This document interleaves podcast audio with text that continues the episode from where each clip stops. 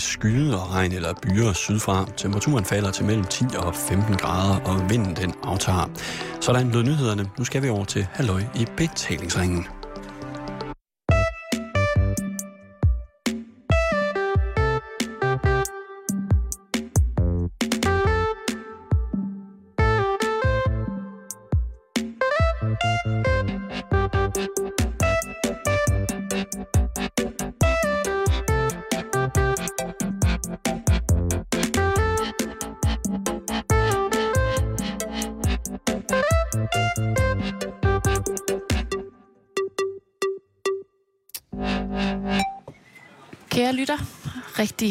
Hjertelig velkommen her til Halløj i betalingsringen, der i dag sender fra Svanikehavn på Bornholm. Og øh, lige nu er der altså fyldt op med utrolig smukke sejlbåde, isspisende glade mennesker, og solen kigger en lille smule frem fra en lille smule øh, overskyet himmel. Men altså, her er ret skønt her på havnen. Og øh, Simon, man må jo sige, at vi har indvidet øh, Svanike Havn på en, en ganske særlig måde i dag. Ja, det, det har Vil du, vi. vil, vil du fortælle, hvad vi har, hvad vi har lavet? Hvad vi har lavet? Øh, Altså... altså, Hvis du kan regne ud, hvad der er, jeg hentyder til. åh, det tror jeg. Du har taget en tur på Sorte Satan. Ja, men jeg kalder den altså Sorte Slatan. Sorte Slatan. Ja, okay. Men det må du så også godt gøre i dag, fordi det er karndag. Ja. Altså, dens officielle navn er Sorte Satan. Ja. Øh, og er det det, du hentyder til? Jamen, det er det. Jeg har simpelthen øh, for første gang i mit liv kørt knallert i dag, og jeg kunne lide det. Det var mega fedt, var Jeg det? synes, det var så fedt. Især da jeg ligesom fandt ud af, hvordan man gassede godt op, og den så lige pludselig Tog tog, far. fa- tog, tog fart, den sorte slatan. Det er fedt. Altså, jeg øh, kunne i hvert fald mærke, at det er noget, jeg kommer til at gøre igen, tror jeg. Jeg synes, det var ret sjovt. Er her på sommerturen. Ja, og måske resten af mit liv også, Ja. ja. når vi er kommet hjem. Det er, det er jeg simpelthen så glad for. Så det kan være, at, at jeg ringer en gang og spørger, om jeg må låne en knallert af dig. Man kan næsten ikke give sådan en knallert kærlighed nok. Og vi Ej, har jo haft Karendag før om knallerter og Jamen, er det, kærligheden til knallerter. Og der bliver jeg jo også meget inspireret, men, men også sådan... Jeg kunne godt mærke, at det er altså heller ikke... Det er ikke noget, man... Man er ikke knallert øh, elsker 5% vel? Eller 10%. Det er ligesom noget, man er 100 procenter. Altså, det vil jeg jo mene. Og det, øh, det vil jeg sige, der er mit bekendtskab med, med dette stykke køretøj, så alligevel så mm, begrænset endnu, at jeg ikke helt ved, om jeg er 100% knaller-type. Men det kan jo være, at jeg når at finde ud af det i løbet af vores sommertur. Jeg kan jo bare henvise til, hvor mange mennesker, der i dag her på Svanike Havn, har været hen og kigge på knaller. Og det er mange, Ja, skulle jeg hilse at sige. den er lige blevet filmet, faktisk. Den er altså også vildt flot. Den er meget, meget flot. Den er rigtig, rigtig flot. Jeg er i hvert fald ikke afvisende over for, at jeg kunne ende med at blive øh, knallerkarn. Altså, det er jo din, det, er jo, det her det er jo din autosommer, åbenbart. Starter på Roskilde Festivalen 2012 med at blive erklæret for Camp Autokaren. Ja. Og hvis du bliver knallertkaren nu, ikke? så er det KK, det er knallertkaren. Det, Så tænk, hvis jeg bliver sådan berygtet på Bornholm som knallert Karen. oh, Og så næste sommer, så er det sådan, folk begynder lige så stille at viske, sådan, når, når vi nærmer os sommerferien, sådan, ved I om knallert Karen kommer i år? Problemet er, at du kan jo ikke stikke af på den der. Den kører jo fuldstændig lovligt, Ej, men jeg vil ikke køre andet end lovligt, hvis jeg skal køre knallert. siger du nu. Ja, fordi vi er i radioen. Det er fordi, du kun har snuset til, til ilden. Du har kun snuset til benzin-olieblandingen. Men når mm. du først mærker vinden i håret, når du først kører nøgen i regnvejr på knallert, så er der no way back. Så vil man godt op over de der, hvor meget er det, 30 km i timen? Ej, jeg vil sige, der er øh, der er jo visse steder på kroppen, som er, er lidt bøvlet, når man kører nøgen på knallert. Hvis man får vipse og hamse og sådan større flyvende dyr. Guldsmede. Altså, i øjnene. Ja, lige præcis. Øh, det, det kan godt give øh, lidt gener. Men ellers så, øh, så er, når du først har kørt nøgen på knald i regnvejr på Bornholm, så er man, så er man et stærkt menneske. Så er der ingen vej tilbage, Nej. som man siger. Så det synes jeg, du skal. Men Simon, nok om knaller der. Mm. og lidt mere Karen. Fordi det er Den Karen-dag i dag. det er den tid på ugen. Ja. Og vil du høre, hvad det skal handle om i dag, Simon? Ja. Du ved det jo faktisk godt. Mm. Men nu får du det lige at vide igen. Og alle lytterne får det at vide, fordi Karendag handler i dag om noget, der ligger mit hjerte meget, meget nært. Faktisk vil jeg gå så langt som at sige, at det er noget, jeg elsker meget, meget højt. Karendag handler i dag om karameller. Som jo er en slags slik. Det er snold. Ja. Eller, man kan sige, det er i hvert fald overskriften på Karendag i dag, fordi udover at høre, hvordan man laver karameller, så skal vi også snakke om, hvordan man får en karamelforretning stablet på benene, hvordan man overhovedet kommer på den idé, at man skal sælge hjemmelavede karameller, og så skal vi selvfølgelig også smage på en masse slags karameller her i vores lille udendørsstudie på Svanike Havn. Og Simon, du troede måske, at karendagene var sløjfet, nu hvor vi ligesom skulle afsted sammen på sommertur, men sådan er det ikke. Nej, det kan jeg så fornemme på Og det hele. karendag betyder jo, at det er mig, der bestemmer. Ja, og i det- dag har jeg altså bestemt, at du ikke må være med. Eller, du har jo faktisk været lidt med i dag, kan man sige. Ja, fordi at, altså, Jeg har svedt for dig. Ja. Og det er jeg meget glad for, fordi at Jeg har været karamelpimp for dig. karamel slave, Jeg har pimpet... Altså, jeg har jo gjort noget, som der efterhånden nærmest er forbudt i Danmark. Det er at dele slik ud til børn. ja. Det kunne jo være at ende her på forsiden af avisen et eller andet sted, ikke? Simon Men- Jul set Lokke. i Svanike lokke børn ind i karamelbutik. Der var Jeg i ved, hvert godt, jeg, mange jeg ved godt, jeg ikke må grine, men jeg har sådan nogle upassende tanker ind i hovedet lige nu. Ja, det gider vi ikke høre på Karendag. det Men er Simon, sjovt. men Det Simon, jeg har inde i hovedet, det er helt fucked up. Det er helt galt. Men nu bestemmer jeg, at du skal tige stille, fordi at du har haft en helt særlig opgave i dag. Du har øh, været, øh, hvad hedder sådan noget, karamellærling, Apprentice. og lært at lave karameller. Og hvordan det gik, da Simon var i lære hos karamelmesteren Nikolaj tidligere i dag, det kan man altså høre lidt senere i dagens program. Så øh, du er lidt med i dag, Simon, i form af et, øh, et lille indslag, vi har øh, klippet klistret fra da du lavede karameller tidligere på dagen, senere i udsendelsen. Men så skal jeg slet ikke være. Men du må ikke være med mere nu. Så, så vi, vi- behøver ikke engang gennemgå reglerne med, at du normalt skal række hånden op for at sige noget og alt muligt. Jamen. Øh, I dag har jeg simpelthen bestemt, at du ikke må være med. Jamen, Så, øh, hvad, Ja. hvad skal jeg så lave? så i stedet for, øh, så kan du gå en tur på havnen. Jeg vil gerne... Øh, Det gider ikke have herregrimt. Ej, jeg er så hyggeligt. Der er Mm. sådan, et, øh, sådan nogle vipper dernede, man kan bade og sådan noget. Må jeg så ikke få nogle Skal- penge med, så jeg kan købe noget? Du kan få nogle karameller. Nej. Jeg har faktisk lige, jeg har jo lige købt postkort. Du kan skrive nogle postkort for mig. Skal jeg skrive postkort for dig? Det er jo karndag. Ja, okay. Hvem skal jeg skrive til? Min farmor. Skal jeg skrive til Famse? Skriv lige til Ulla Okay, og min mor og far. okay. Så hvis du sætter dig et andet sted hen og lige ordner det, så øhm, vil jeg byde velkommen til øh, dagens gæst. Okay. Så kan du jo komme tilbage i slutningen af programmet måske. Ja, Ikke? okay. Så øh, tak for nu. Og øh, du kan altså høre senere, hvordan det lyder, da, øh, da Simon Jul var karamellærling her i karamelleriet i Svanike. Okay. Men du hører ikke mere til ham. Det er forløbig.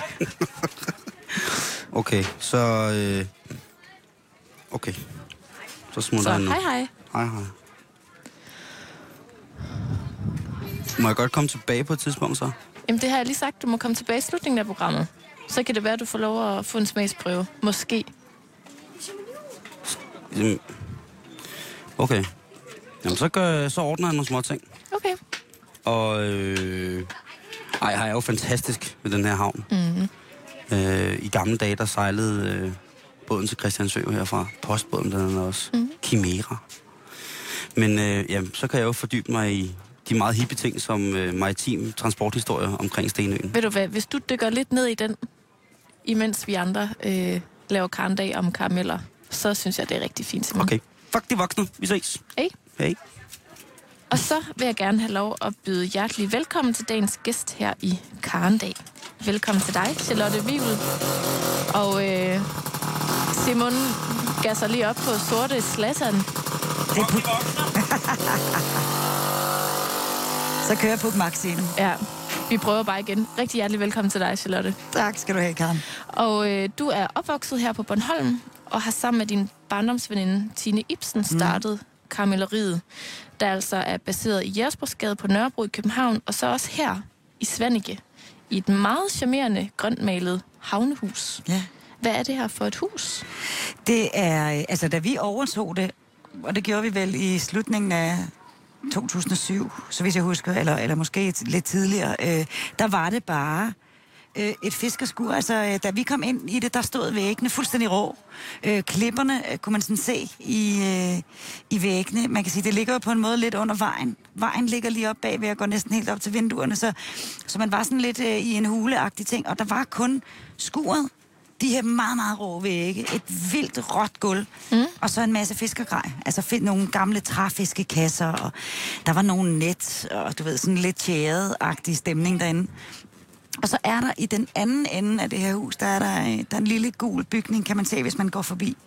Og det var øh, det gamle billetkontor til det, der hed Peterbåden, kaldte vi det altid. Peterbåden mm. Jo. Altså øh, en lille postfærge, som sejlede med post til Christiansø, og som har gjort det i mange, mange år. Jeg har faktisk ikke tjekket nok til helt at vide, hvornår øh, mm-hmm. den stoppede. Men den sejlede også, da jeg var barn. Det var helt normalt. Det var den, man tog, når man skulle en tur til Christiansø. Så tog mm. man Peterbåden hernede fra, og der købte man altså billetter op i lugen der.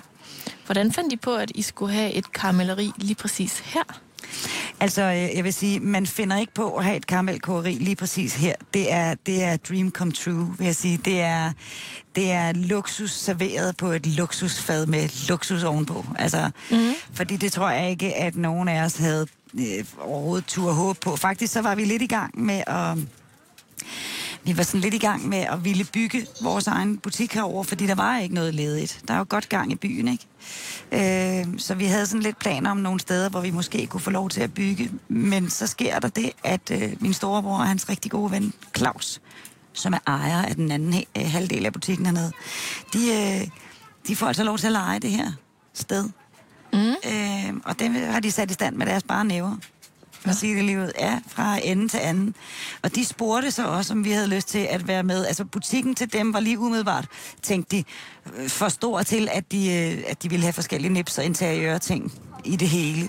Så de kunne godt tænke sig at lave en kombination af øh, noget andet visuelt også, hvor der var en lille mini-produktion, og derfor spurgte ja. de også om at være med.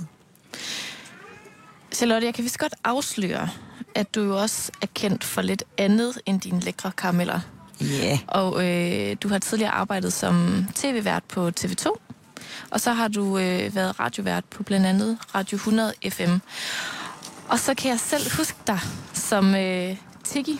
Er det rigtigt? Dit, øh, dit kunstnernavn fra midt-90'erne, hvor du blandt andet stod bag megahittet Ringeling fra Præcis. 1996. Ja.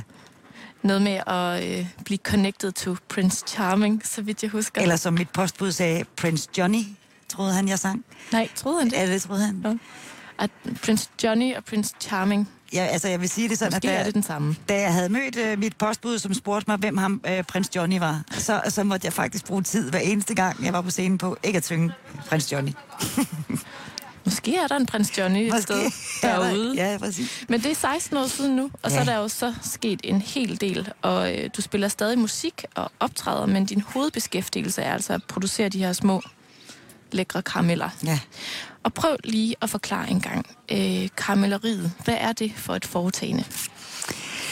Jamen, altså, karamelleriet er en... Øh,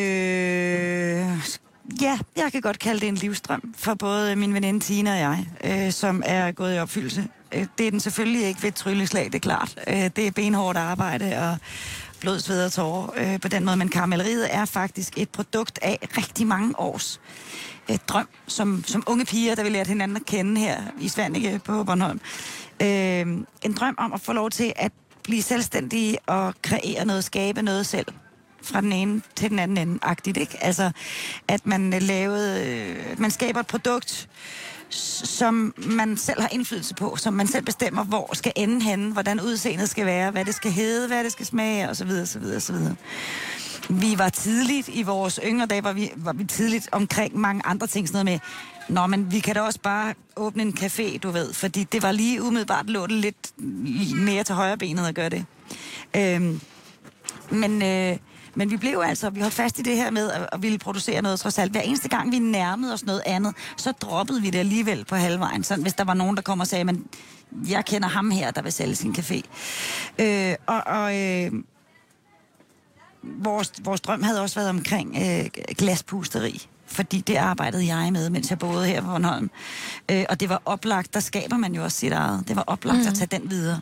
Men det skal ikke være nogen hemmelighed, at da det eksploderede i 90'erne, fordi det gjorde det, og der kom tusind af dem, så var vi nok godt klar over, at det var, der var nok nogen, der var bedre, bedre til det, end mm. jeg var.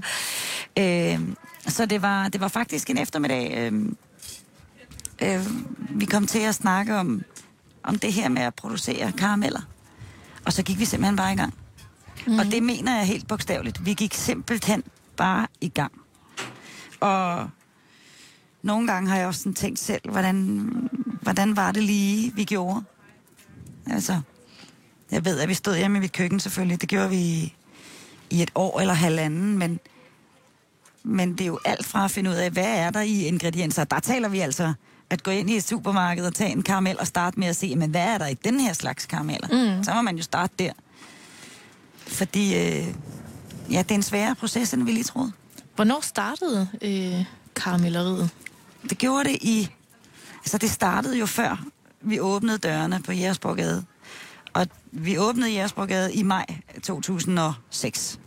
Vi skulle lige føde, ikke? Begge to. Midt i karamelmassen og have I var børn. simpelthen gravid midt i at starte det her karamelfirma. Ja, altså jeg havde en søn, da vi gik i gang med det her projekt, havde jeg en søn, som var, han har så været et, halvt, et helt år, siger jeg. Et år. Lad os bare sige et år. Og kort efter vi er gået i gang, så kommer min veninde og siger, at jeg er gravid. Og øh, to måneder efter det, to og en halv måned efter det, så kommer jeg og siger, det er ikke så godt, fordi det er også. Okay. Og så, øh, ja, så måtte vi jo så lige sætte os ned sådan helt alvorligt at, at kigge på hinanden og sige, okay, gør vi det her, eller gør vi det ikke? Fordi vi kan ikke, altså, hvis vi, gør, hvis vi ikke stopper nu, så er vi nødt til at gå hele vejen. Så vi skulle, man skulle ligesom, skulle ligesom være enige om, at hvis man gør det øh, velvidende, at man skal have børn lige om lidt, så kommer man til at gå på kompromis med, altså ikke bare én ting, men med rigtig mange ting. Også med sin familie, ikke? Altså, mm. Men det er jo, der er jo både nogle tilvalg og nogle fravalg på den konto.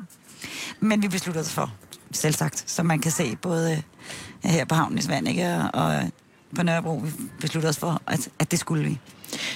Men du, altså, du siger, at I ligesom har været omkring øh, en masse forskellige idéer mm. i forhold til at skulle være selvstændige og starte noget op sammen. Men altså, hvordan, hvordan lander I ligesom på det her med, at I skal lave karameller?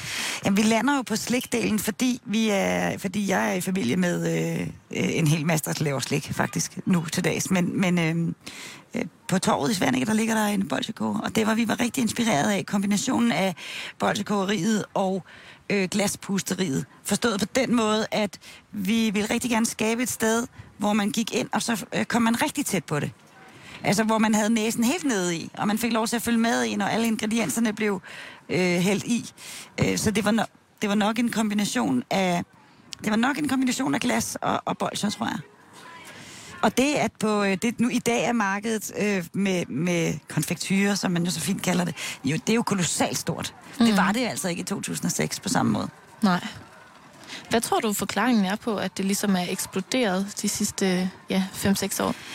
Jamen, jeg tror for det første, jeg tror, ikke, jeg tror faktisk ikke, det handler så meget om det, at det er slik, men jeg tror, det handler meget om, at, at vi alle sammen som forbrugere er blevet meget mere kritiske på, hvad det er, vi har lyst til at købe, og hvad det er, vi har lyst til at spise, og at vi i højere grad, ligesom med økologien, vælger, at når vi køber det, så, så køber vi det, øh, eller vi køber i hvert fald oftere øh, den bedre del af det, den bedre kvalitet af det. Det har vi i hvert fald tydeligt kunne mærke. Og så igen, det at det er gennemsigtigt, kan man sige, det at man, at man ved, at det, det er lokalt produceret for eksempel, det betyder også rigtig meget, det gør det jo stadigvæk nu i 2012, det at man ved, at det er dem her nede om hjørnet, der har lavet det, og øh, øh, det hører til i, i, øh, i mit lokalmiljø. Mm. Det, det har også en betydning, at det ikke bare er blevet fløjet ind fra England. Øh, øh, der, ja, ja, jeg tror, man, man er tættere på både råvaren og selve produktionen. Og så er der selvfølgelig også øh, øh, den forklaring, kan man sige, at, at grunden til, at der også er, er kommet flere producenter, er jo også, at selvom krisen har været her, så er det ikke, vi er ikke blevet slået helt om kul af den, fordi den, det lille ekstra ting, den har man stadig råd til at købe. Det kan godt være, man ikke har råd til at købe den nye bil, men, men, men så har man nok valgt stadig at holde fat i, i den sådan lidt ekstra lille luksus i hverdagen, hvis mm. man kan sige det sådan, ikke? Du nævnte tidligere, at øh, I brugt over et år i jeres egne køkkener med at eksperimentere med smagsvarianter og konsistens og Specielt så videre. konsistens, vil jeg sige. Ja. Altså, hvad, hvordan gør man, når man ligesom beslutter sig for at sige, nu vil jeg lave karameller og leve af at lave de bedste karameller, der findes. Altså, hvor tager man overhovedet fat? Du, du sagde, at I var altså, sådan helt lavpraktisk nede i øh, købmanden og kigge bag på pakken mm. og se, jamen, hvad kommer man i, og så videre. Altså, hvad, hvad lavede I det her år i jeres køkkener? Hvad, hvad kom I omkring? Altså, hvad, ja, hvad kom vi ikke omkring? Altså, hvad kom vi seriøst ikke omkring? Vi var, altså, vi vidste, vi skulle bruge noget sukker, vi skulle bruge noget fedtstof, vi skulle bruge noget, enten kunne man vælge at bruge noget mælk eller noget fløde, man kunne også bruge noget smør. smør. Der er jo alle muligheder for at sætte en karamel sammen. Øh, men hvad hjælper det, hvis ikke du har forstand på råvarer? Og det havde vi altså ikke. Jeg tror, vi forestillede os, at øh, man kunne ringe til en ven, forstå mm. mig ret, eller man kunne øh, måske købe øh, et kursus et sted, eller et eller andet, og det, og det kan man givetvis også i Tyskland eller noget, men jeg tror, vi havde forestillet os, at vi lidt nemmere ville komme omkring at forstå den her proces mm. bedre. Øh, det skete ikke, fordi det er jo det, er, det var det i hvert fald for os, øh, og det tror jeg stadigvæk, det er. Hver producent holder sin opskrift tæt til kroppen.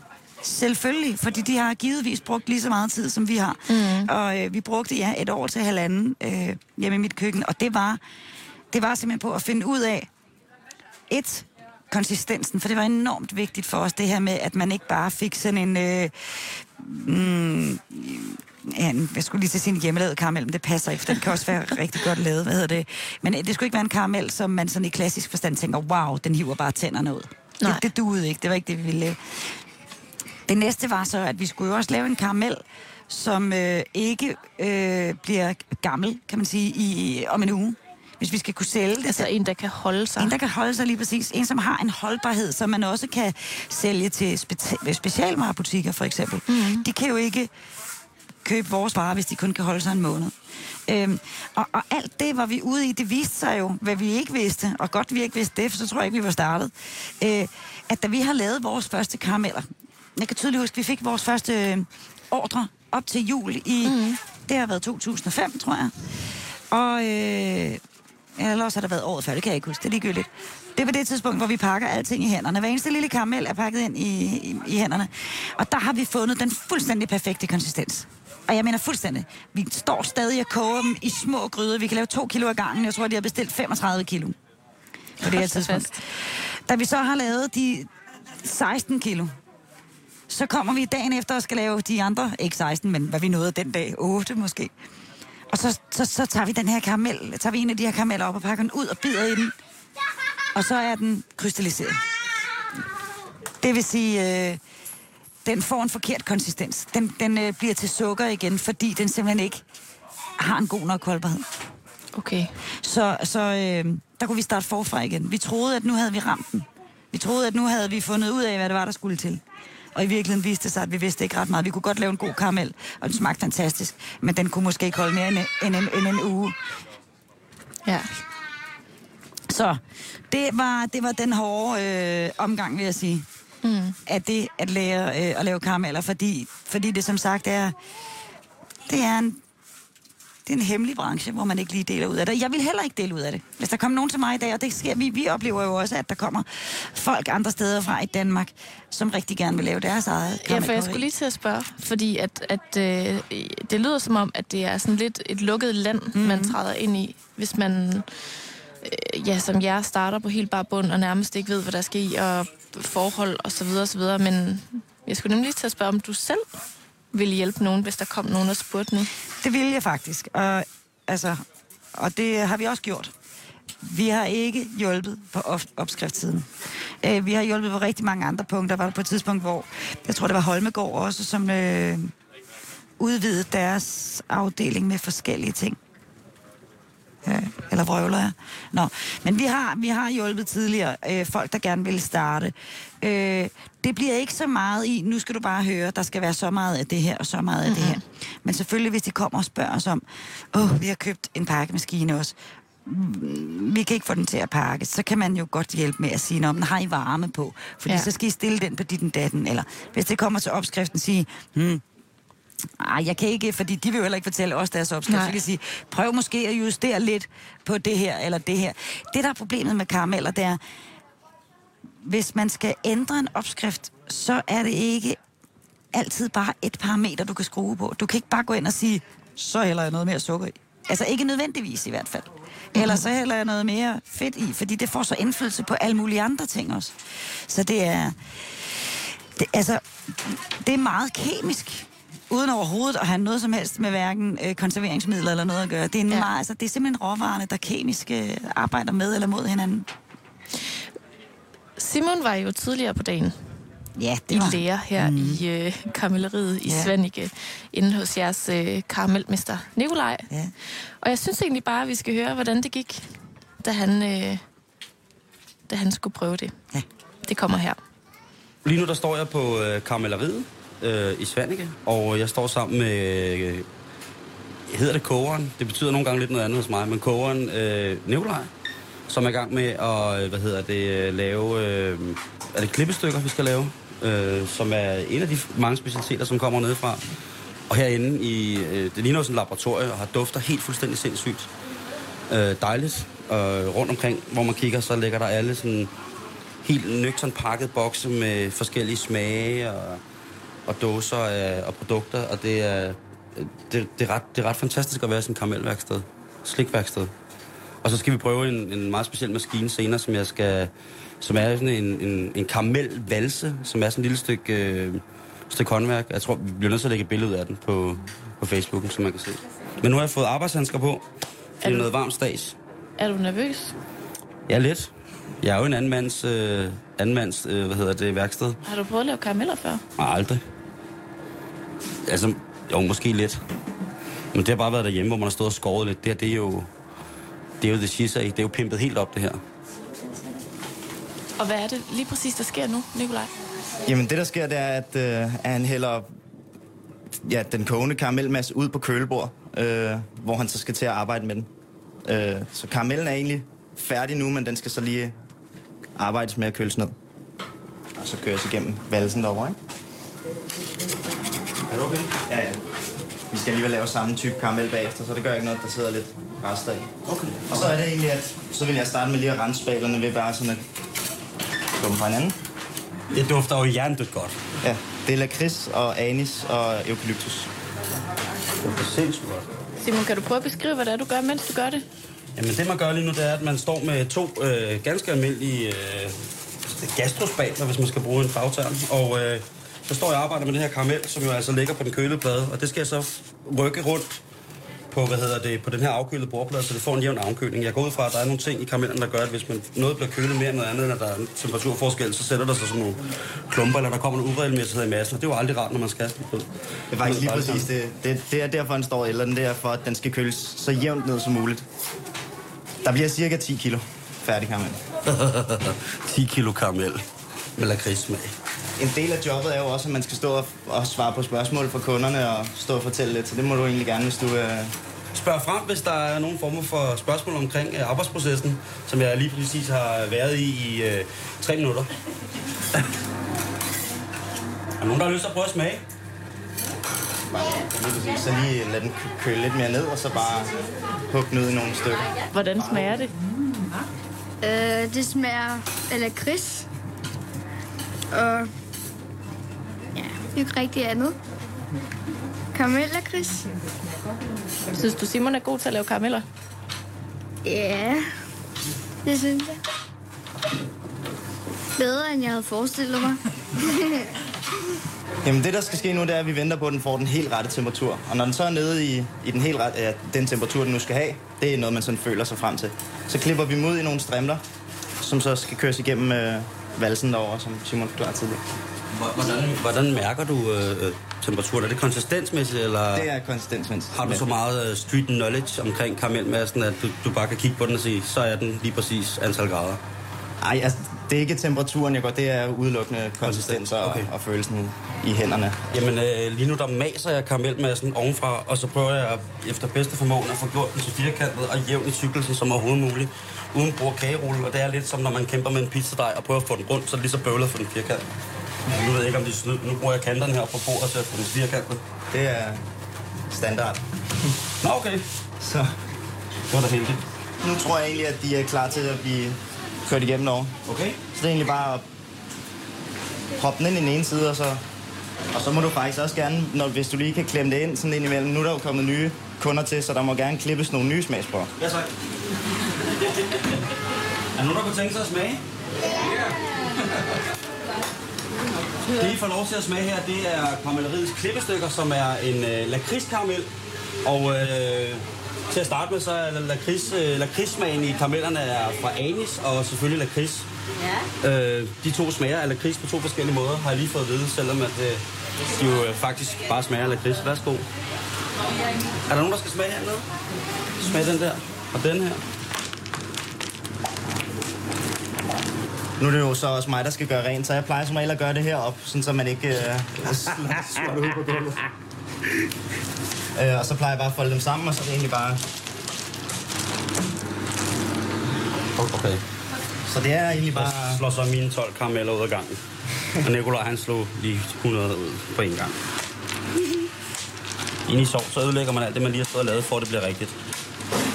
Nikolaj, kan du ikke prøve at forklare, hvad der så sker, når Simon har smadret de her karameller? Hvad skal der så ske med dem? Jamen, så skal de bare ligge og blive sådan helt kolde. Øhm, og når de er helt gennemkolde, så bliver de så øh, rystet i noget lakridspulver, og så er de faktisk klar til at blive stolt. Så de er faktisk stort set færdige, på nær at de lige mangler at, at blive rystet i lakridspulver. Hvordan synes du, Simon har klaret jobbet i dag her i karamelleriet i Svanike?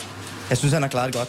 Det gik lidt langsomt, øh, så nogle af tingene var sådan lige ved at blive lidt for kolde. Men ellers så, så gjorde han det godt. Kan I sælge det, han har lavet i dag? Ja, jeg, det, jeg tror lige, at vi kan sælge det. Jeg tror lige, det går. Det har været super fedt at lave karameller. Det gør Tusind tak for, øh, for det. Det var virkelig... Øh, det var hårdt.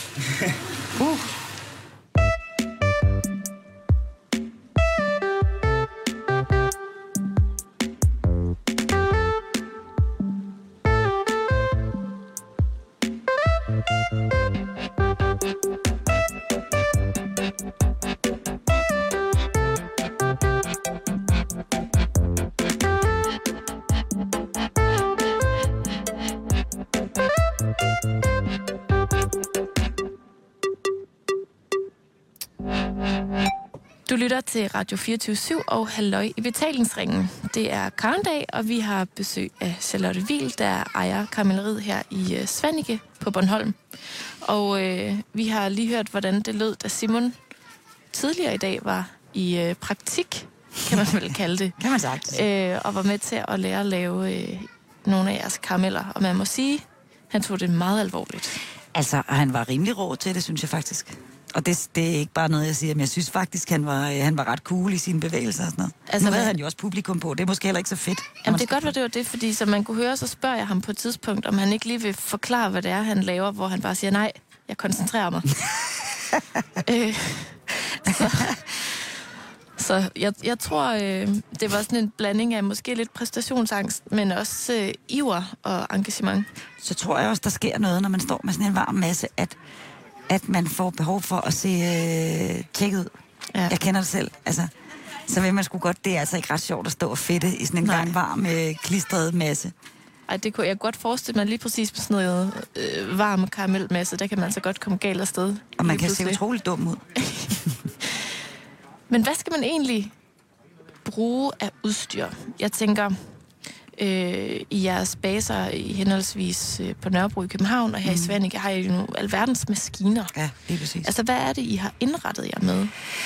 Jamen altså, vi valgte jo meget tidligt, at det skulle være, eller det valgte vi med det samme. Vi havde ikke lyst til at lave andet end bare en klasse kongegod karamel. Altså, øh, og vi besluttede også derfor, at vi ville gerne gøre det på det lyder måske sådan lidt, åh, det lyder sådan lidt tungt at sige på gammeldags manér, men, men det er faktisk det, vi gør, fordi vi øh, i øh, København og også her, her i Svanike, der øh, koger vi jo i åbne gryder.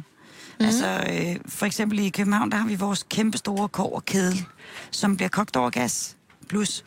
Øhm, og det gør altså, det gør jo selvfølgelig, at det, det, tager nogle, det tager noget tid, før vores ting er kogt færdig, fordi det, det tager det tid, det tager. Man kan jo ikke presse karamelmassen til at øh, hverken nå temperaturen eller have så Man meget kan ikke væske lige skrue op. Nej, det kan man nemlig ikke. Øhm, så vi har indrettet os i øh, København med den her store koverkedel og koger alle vores ting. Langtidskoger det øh, øh, over åben ild.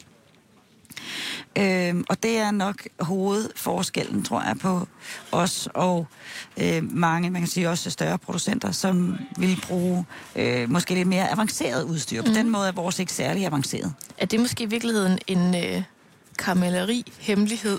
Nej, det er det faktisk ikke. Altså, det kan vi godt sige lidt der. Nej, men det er det faktisk ikke. Men det er, en, man kan sige, det er, en, øh, det er jo så en åbenlyst hemmelighed. Men det er helt klart med til at give øh, vores karameller den smag, de har.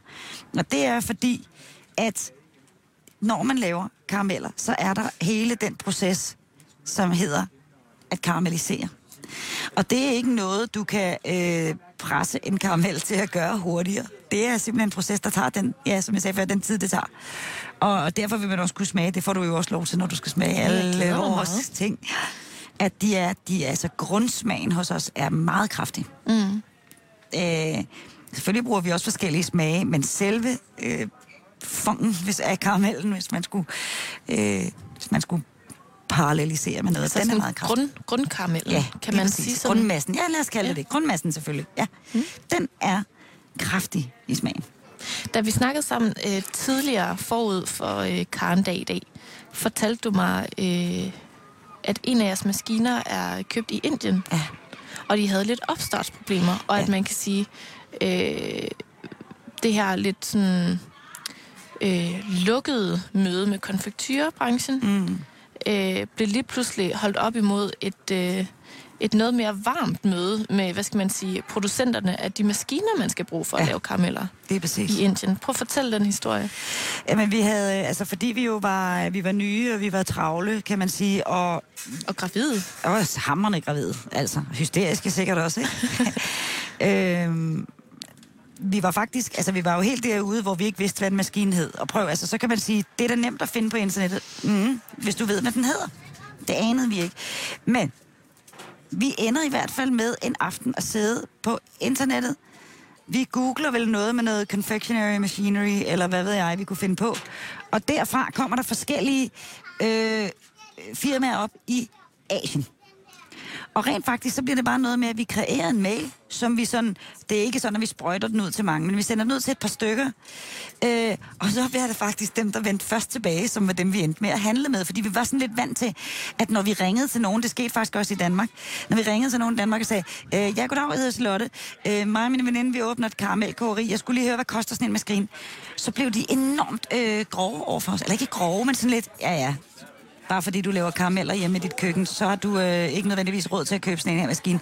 Så vi blev han, øh, behandlet som sådan to amatører, der slet ikke havde nogen plan om at lave Nå. noget stort. Det var meget mærkeligt. Men så får vi den her mail fra, fra Mumbai i Indien, eller fra Indien, øh, med en pris, tilbud på øh, vores pakkemaskine. Det var den, vi var på jagt efter, den, mm. der kunne putte papir om vores karameller. Øh, sød, sød mail sender en pris, og vi beslutter os bare for, at i og med, det er de første, der tager os øh, alvorligt, så er det dem, vi skal handle med. Mm. Og vi øh, bestiller jo helt naivt. Øh, den her to maskiner bestiller vi faktisk, fordi der skal der hører en ekstra ting med til den maskine, der skal pakke ind. Øh, ikke på noget tidspunkt overvejer vi, at de øh, kunne tage fusen på os, eller stikke af med vores penge i øvrigt. Hvor meget Øh, koster sådan en maskine? Jamen, jeg kan ikke engang huske det. Men den kostede jo ikke øh, det kvarte af, hvad man kunne skulle betale i Danmark. Nej. Øh, jeg kan faktisk ikke huske det. Nogen, 100, nogen tusind måske. Det, det er ren øh, gæt. Mm. Fordi det... det øh, Ja, jeg aner ikke, hvad sådan nej, vel, det er det. Og jeg kan faktisk ikke huske det, men det har nok været der omkring. Øh, vi bestiller maskinen. Vi aner jo ikke, hvordan den kommer til at se ud, når den kommer til Danmark, men den kommer, som aftalt. Vi øh, får den bakset ind med vores højgravide maver og seks søde mænd, der gider hjælpe os. Den vejer ton, tror jeg, eller sådan noget. Og så stiller vi den op, og jeg havde spurgt dem derude, øh, are you sure it's gonna work when it gets to Denmark? Og de sagde, yes, yes, no problem. Mm. Og så sætter vi den op, og så kører den slet ikke. Altså, delene kører rundt, men der, vi kan, åh, vi, altså, der er ikke én karamel, der bliver pakket ind. Der er ikke engang noget cellofanpapir, der bliver trukket med rundt. Nej. Og der, vi har måske de første 20 mennesker, der kigger på den, og alle mulige søde folk, der går forbi, som er mænd, som interesserer sig for maskiner, der kigger og piller og roder og rager, og det lykkes overhovedet ikke. Så øh, til sidst blev vi altså kaste håndklædet i ringen og skrive til dem i Indien og sige, vi, vi, det, vi kan ikke få til at virke overhovedet. Og så siger de, øh, no problem, we come to Denmark. Så siger vi, øh, no, okay, uh, it sounds expensive. Og så siger de, uh, det skal I ikke tænke på. Vi betaler selv flybilletten. I skal bare betale vores hotelophold. Så til Danmark kommer altså selve altså ejeren af firmaet og hans ingeniør, som ikke kan ord dansk overhovedet. Øh, og vi øh, indlogerer dem på et hotel, hvor de opholder sig de her seks dage, de er i Danmark. Øh, deres mad slipper jo, at de har taget mad med fra Indien til sig selv, fordi det ved man jo aldrig, hvad man kunne få i Danmark, så de har deres egen lille pose mad med, som ender med at slippe op øh, efter fire dage, fordi de er nødt til at blive flere dage i Danmark. Og hele det her gilde, udover som sagt hotellet, det betaler de simpelthen. Altså, jeg har aldrig oplevet noget lignende. Og vi har fået, øh, vi har faktisk fået forespørgseler fra mange dele af verden siden da, fra andre øh, konfektyrproducenter som os selv, som spørger på det her firma og spørger, om mm. de er okay at handle med. Sådan noget. Vi kan jo ikke andet end at sige, at de er fuldstændig fantastiske. Og det er de stadigvæk. Vi har stadig kontakt til dem, og, og de er altid de første, vi spørger, hvis vi sådan drømmer om en eller anden ny maskine. Så det er, et, øh, det er absolut et, øh, et professionelt venskab, der er kommet for at blive. Det, er, det møder man ikke mange steder. Og, og, og den her øh, indpakningsmaskine ja. er jo ikke øh, den eneste maskine Nej. i jeres øh, karamellerier, som har en lidt særlig historie. Nej, fordi vi, øh, vi bliver på et tidspunkt ringet op af min onkel, som er bolsjekoger her på øh, Bornholm også, som, øh, som spørger, øh, om vi ikke har brug for det, der det hedder en batch roller. Det er, man ser den også i store øh, bolsjeproduktioner. Hvis man kommer ind og kigger, så kan man se sådan en kæmpe bolsje kejleformet, der ligger og drejer rundt. Det er egentlig bare noget, der sørger for, at det ikke flader ud, sådan, så man kan blive ved med at arbejde med det. Øh, der er en, på det tidspunkt en pensioneret bolsjekoger i Tyskland, som gerne vil sælge sin. Øh, han skal have 500 euro for den. Det er jo latterligt. Altså, det er 3500, ikke? Eller 4000. Han skal bare have øh, de der 500 euro for den. Øh, og så var han kommet til Danmark med den. Og vi tænker jo bare, nå ja, men altså selv hvis den ikke skulle virke, så er skidt pyt med det. Så han øh, møjer den her maskine ind i sin folkevogntransporter øh, med hjælp fra sin søn. Så kører han den til, øh, til Sjælland fra Tyskland og kommer personligt op og afleverer den her baby for ham til os. Vi kan knap få den ud af den der bil. Altså, ingen begriber, hvordan han nogensinde fik den derind. Øh, og ud kommer der det her vidunder, som man kan se øh, i Jægersborgade på, øh, på Nørrebro i København. Det her vidunder af en maskine, fra, øh, som, er, som har 100 år på banen. Den er på det her tidspunkt rimelig ramponeret og ligner sådan en gammel jetjager, der står i en flyskrotpark eller sådan noget. Men, men øh, min veninde Tines øh, og min kompagnons svigerfar sætter den i stand for os. Altså maler den, så man sliber den og maler den. Og den står som et pragt eksemplar på Nørrebro. Og jeg vil sige, kom endelig ind og kig, hvis man har lyst til at kigge mm. på gamle maskiner. Fordi den er lige så øh, hæftig som et hvad hedder det, Frans Jæger i Olsenbanden, de der står. Kan du sådan bare lige hurtigt prøve at forklare, hvad den helt præcis kan? Ja, den, den har, øh, det, er en, det er en lang, lang, den er en lang maskine, den er cirka, måske to meter lang. Lad os bare sige det. Så har, så har den en masse valser, meget lange valser, der er lige så lange som maskinen, som drejer om sig selv. Det vil sige, at du vil kunne, lad os sige, du havde for eksempel lavet en bolledej, som du havde rullet ud til en pølse.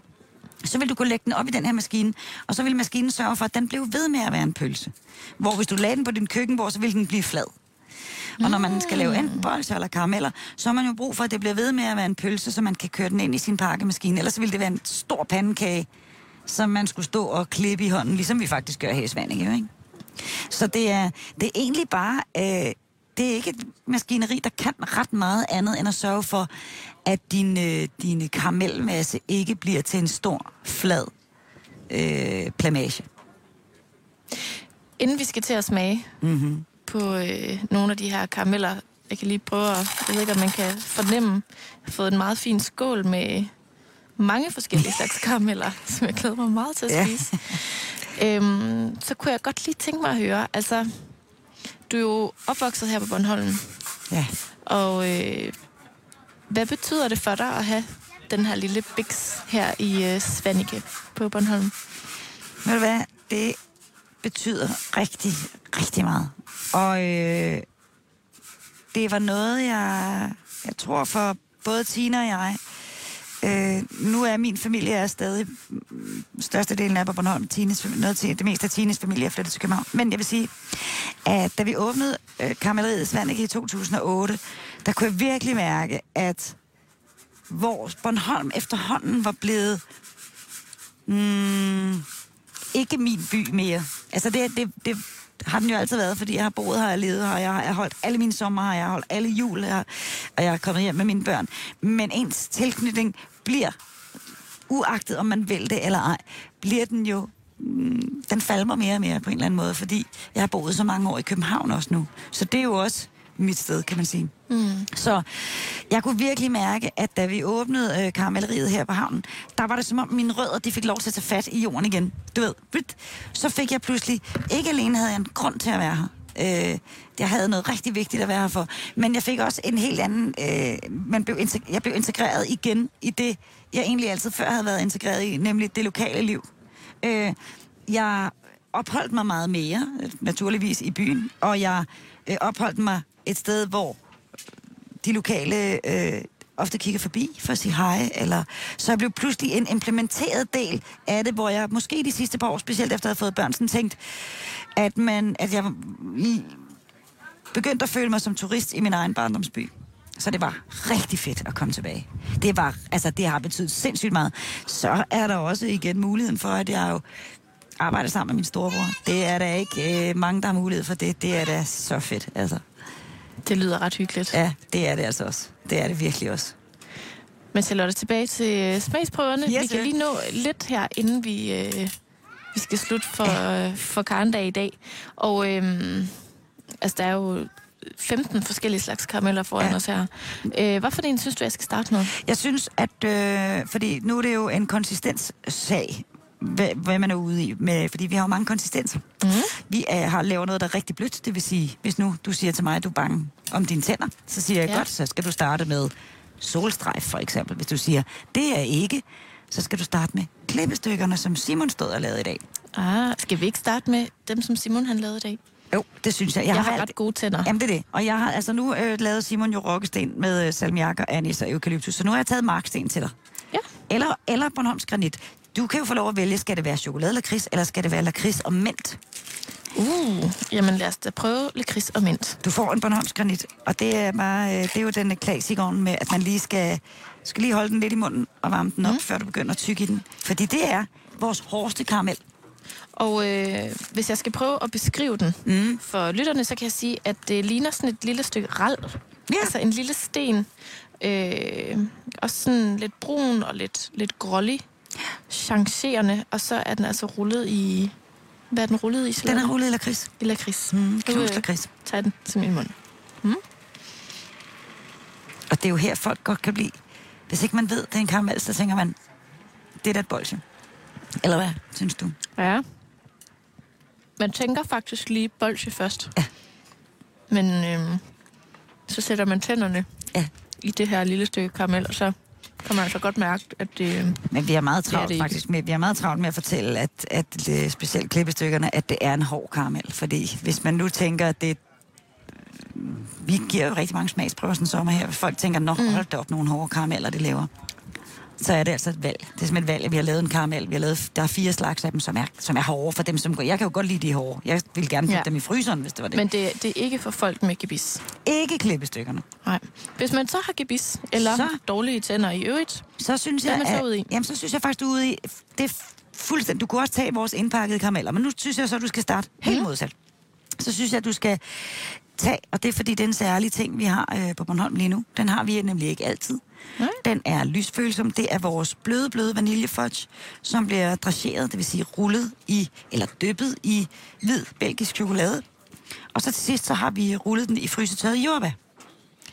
Mm. Øh, den kan vi tage en lille bid. Du synes, her? du skal prøve to af dem. Ja, bare Ja. tage en lille bid, så du ikke måske skal dø af sukkerchok. Ja. det tror jeg ikke, jeg kan. Nå, okay, det er Jeg er meget glad for alt, der har sukker i sig. Men hvis jeg også lige skal prøve at beskrive den, så ligner det jo også en, en lille rund sten, mm. der har en meget øh, fin, sådan lidt, øh, hvad skal man kalde det, sådan hindbær farve. Ja, det er faktisk det er jordbær. Du kan se kernerne i os. Men det er jordbær. Mm. Det er jordbær. Men det er sådan en fin rød farve. Du smager på den. Den hedder sommerfløt. Puh, den smager godt. Og den er meget, meget blød. Meget blød. Man kan bide igennem med fortænderne, ikke? Og den har en, en virkelig skøn smag af jordbær. Den, Faktisk. den er lidt rødgrød med flødeagtig, ikke? Ja. ja. Sådan vanilje, Altså, jordbær. jeg kan anbefale, øh, mm. hvis man lige må give et helt andet fif, ikke? På faldrebet. Hvis man Det nu skulle man holde en godt. sommerfødselsdag, for eksempel, ikke? Mm. Så øh, lød jeg mig sidste gang, jeg havde børnefødselsdag, inspirere af karamellen her, og lavede en øh, lavkage med jordbær, friske jordbær. Mm. Øh, og så øh, købte jeg øh, hvid chokolade i sådan nogle dråber. En god, det skal være en god hvid chokolade. Den var ribbet på et sekund. Det, det var simpelthen en lavkage, der smagte af rødgrød med fløde. Så de her knasende chokoladestykker, og så de her kæmpe røde jordbær, og så flødeskummen selvfølgelig. Mm. Det kan jeg anbefale. Jeg synes lyder altså også bare lige, du skal bide i den, der hedder solstrejf. Det er flødekaramellen, igen, også med hvid chokolade, mm. og så er det passionsfrugt. Og øh, den har også sådan en, øh, en diameter på 2 cm Ja, måske. ikke, Halvanden. 2 cm. Ja. Og har en meget, meget fin gul farve. Og sådan en lille rund, rund kugle. Smager på den nu. Den er mere sur, så nu kan det være, at du ser sjov ud i hovedet. Det kan jeg ikke selv se. Det må du Det ser vurdere. meget almindeligt ud. Okay. Det smager altså også virkelig, virkelig dejligt. Mm, det er sådan ret lækkert, det der med, at det er en, en frisk Ja. og lidt syrlig smag sat op imod det her meget søde Præcis. og lidt fede fra, Ja. fra flødekaramellen. Mm. Vi bevæger os også hele tiden i smage, som er sådan lidt... Altså, hvis man ikke er til dit... Så hvis man ikke er til det ene, så har man mulighed for at vælge det andet. Hvor mange slags, øh, forskellige slags karameller har Ja, I? alt for mange, og det sidder jeg, sad jeg også lige som... Altså, vi er, altså på, det, på det område, der er vi virkelig piger, ikke? Der er vi sådan lidt... Altså, vi lader os gribe af en stemning, og så render vi bare med den, i stedet for at sætte os ned og være... Øh, og tænke, ej, måske skulle vi begrænse os lidt. Så vi har faktisk øh, flødekaramellerne, flødekaramellerne, som øh, ligger i skålen, som er indpakket. Dem, de findes i seks varianter, som vi altid har. Mm. Så har vi tre ekstra, som er frugtkarameller. Og så laver vi nogle jule, en julekaramel, vi laver en Halloween-karamel, så der er vi også, så der er vi ude i at have en 11-12 stykker, ikke? når vi tager vores, øh, vores øh, årstidskarameller med. Så er der de bløde, du smager, de er i fire forskellige slags. Og de hårde klippestykke familien, som vi kalder dem, Bornholms granit og rokkesten og sådan noget, de er i fire slags. Og så har vi vores fudge, som er i tre slags. Det, det er helt blødt i sådan nogle barer. Og så har vi vores crunch, som du også kan se ligger i, i skålen. Det her, der har jeg valgt en øh, chokolade crunch til dig, som er med peanuts og smør. Mm. Det er sådan helt, helt knasende. Så vi har rigtig mange varianter. Altså, jeg kunne slet ikke nå at, Nej. at tælle, Så hvor hvad mange var det vi? var. Der var vel en 12, 16, 12, 16, 20, 3, 24 forskellige slags. Karamelleriet øh, har altså så nu eksisteret i sådan 6 år. 6, 6 år. Ja. Hvor er I henne om fem år? Laver I stadig karameller? der sidder vi på en utrolig øh, eksotisk ø med benene oppe og tjener styrtende med penge. Altså Ej, det gør vi ikke. Ja, for eksempel. Ej, ja, det ved jeg ikke. Øhm, vi, det, vi, øhm, vi, er, vi er ikke færdige endnu. Vi er ikke færdige med at vækste. Bestemt ikke. Vi skal... Er I blevet, er I blevet større? Ja, det er vi. Det er vi bestemt. Vi er øh, specielt inden for det sidste år, er der øh, sket en rigtig fin vækst i karamelleriet. Så det, det ser rigtig fornuftigt ud for os, synes jeg. Øh, vi, er, vi var glade for vores sidste år. Nu øh, bliver næste afsæt så at tage den videre derfra. Og man kan sige, øh, grund til, at jeg siger så meget sidste år, det er, at som jeg også sagde tidligere, når man vælger at åbne en virksomhed eller starte en produktionsvirksomhed, mens man er gravid, så kan man altså ikke gå ud og så bare høvle igennem, som man kunne, før man havde børn. Man kan ikke bare arbejde 100 timer om ugen. Men det kan man godt, men så er det ikke sikkert, at man bliver særlig gode venner med sine børn. Så vi vidste hele tiden, at de første par år eller mere, det ville være langsom, langsom vækst. Øhm, og det har det været. Og det er faktisk først nu, at vores børn er, og er ved at være der, hvor, hvor vi øh, kan tillade os at give den lidt mere gas. Charlotte, tusind tak, fordi du vil øh, besøge os her i Halløj Betalingsringen i dag. Tak, fordi jeg måtte. På Karndag. Ja. Og tak for smagsprøver. Mm. Og tak fordi, at øh, I lod Simon rende rundt inde i jeres karamelleri. det var så lidt. Og du går ikke hjem, før du har spist op, vel? Det lover jeg. Det var alt fra Halløj i betalingsringen her på Radio 24 i dag. Øhm, det var Karndag om karameller. Vi er tilbage igen i morgen klokken 5. Nu er der nyheder her på Radio 24 /7.